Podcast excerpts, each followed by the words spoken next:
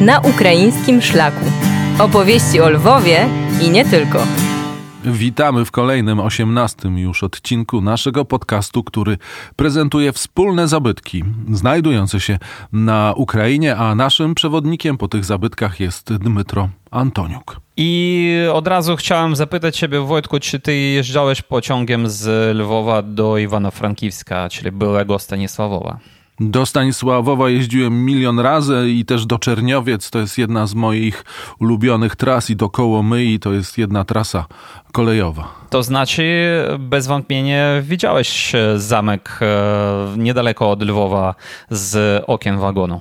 Widziałem i za każdym razem chciałem, marzyłem o tym, żeby wyjść, pójść, pozwiedzać, ale oczywiście czasu nigdy nie było. E, jechałem do Lwowa i już nie wracałem do Starego Sioła. No to znaczy teraz po tym podcaście będziesz miał informacje i już będziesz przygotowany do tego, żeby wiedząc już więcej o tym zamku, jego nareszcie zwiedzać. To jest, e, proszę Państwa, największy w wodzie lwowskim zamek, bo on zajmuje teren e, około dwóch hektarów.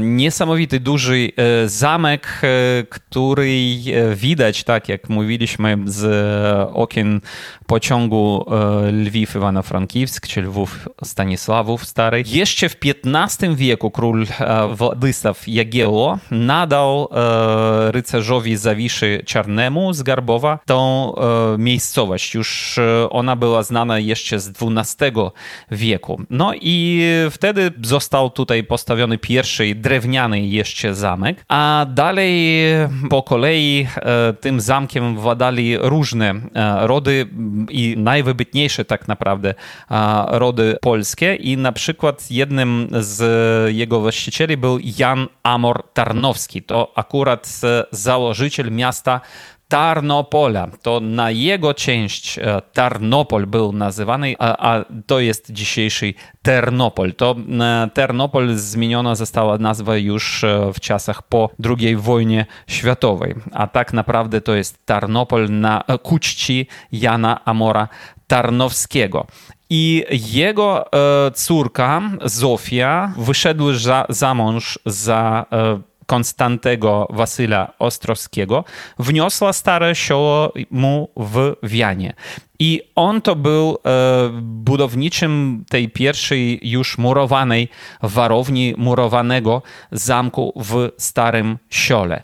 A dalej, e, kiedy wygasł ród Ostrowskich po Januszowi Ostrowskiemu, to kolejnym e, właścicielem e, tych dóbr stał się e, już Władysław Dominik Zasławski. Ten Dominik Zasławski został osławiony, w, bo uciekł z pola bitwy pod Pilawcami, a przed tym był żartobliwie nazywany Peryną przez Bohdana Chmelnickiego, bo on bardzo lubił rozkosze. Peryna, czyli pierzyna. Pierzyna, dokładnie tak. Dalej, e, chcąc jednak e, poprawić swoją wątpliwą sławę, Dominik e, Zasławski brał udział w bitwach pod Zborowem i pod Beresteczkiem, a również udał się z królem do wygnania podczas szwedzkiego potopu nawet.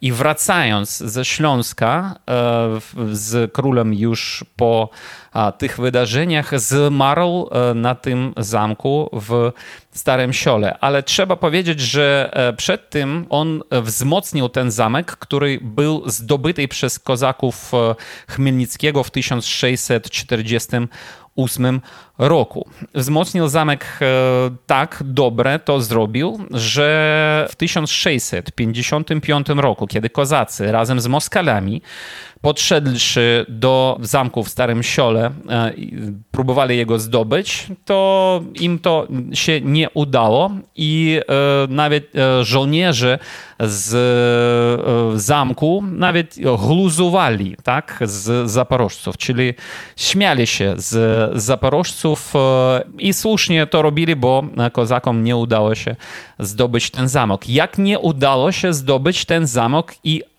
armii tureckiej w 1672 roku, kiedy Turcy też szturmowali, próbowali zdobyć Lwów.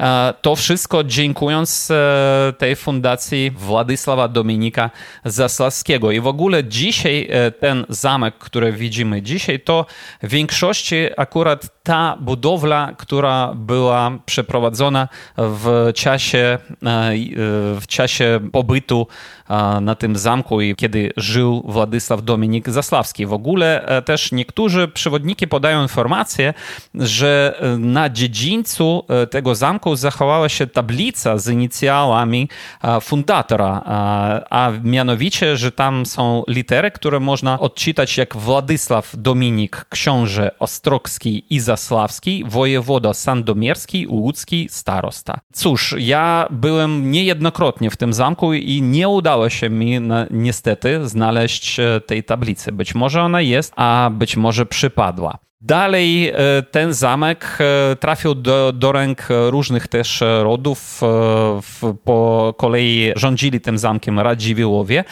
ale y, świetność temu zamku przewrócił kasztelan krakowski Adam Mikołaj Sieniawski, y, który odnowił zamek na początku, w pierwszej połowie XVIII wieku. Między innymi ten Sieniawski też był ostatnim y, męskim przedstawicielem swego rodu. Dalej zamek trafił do rąk czartoryskich, którzy absolutnie zapomnieli o tej um, warowni i ona popadała w ruinę i dalej w ciągu XIX wieku, kiedy od początku XIX wieku i do 1939 roku jej właścicielami e, byli potoccy. I potoccy też um, przyczynili się do zaniedbania tego zamku, można tak powiedzieć, bo oni urządzili tam w tym zamku browar a ten browar rozwalił niektóre ściany tej,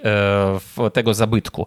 E, na dzień dzisiejszy my mamy e, cztery wieży, cztery baszty z pięciu i dwie baszty mają bardzo fajne atyki zwieńczone ozdobnymi grzebieniami.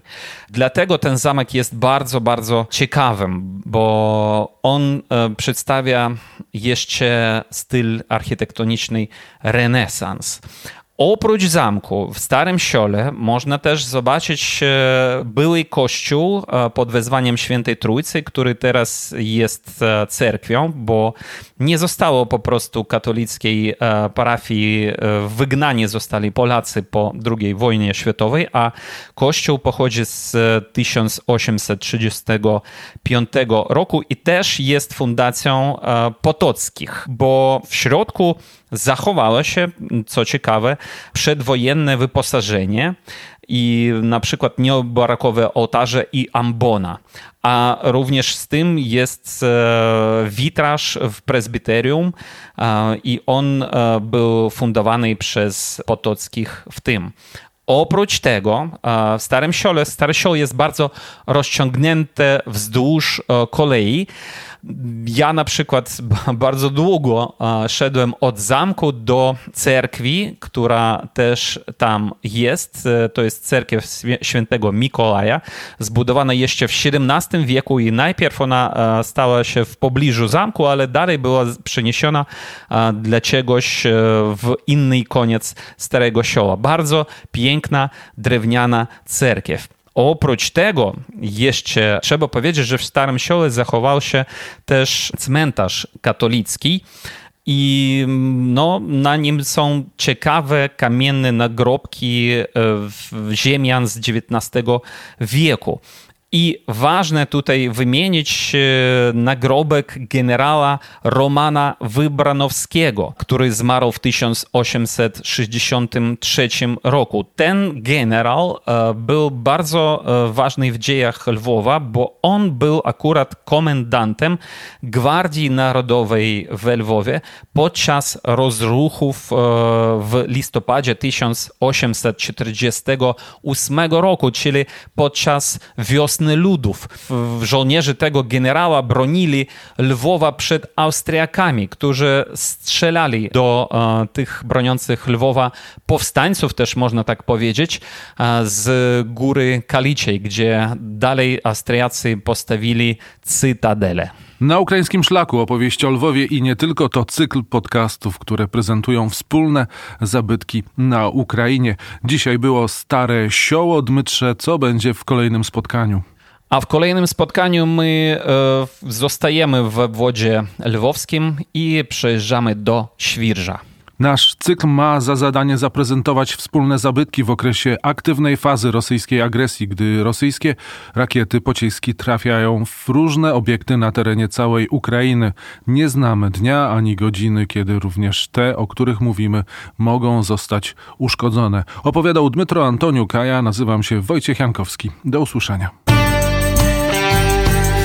Podcast na ukraińskim szlaku opowieści o Lwowie i nie tylko powstał we współpracy z Instytutem Polonika, który prowadzi projekty o charakterze konserwatorskim, naukowo-badawczym, edukacyjnym i popularyzatorskim. Poznaj zasoby danych o polskim dziedzictwie za granicą. Odkryj bogactwo polskiej kultury na baza.polonika.pl.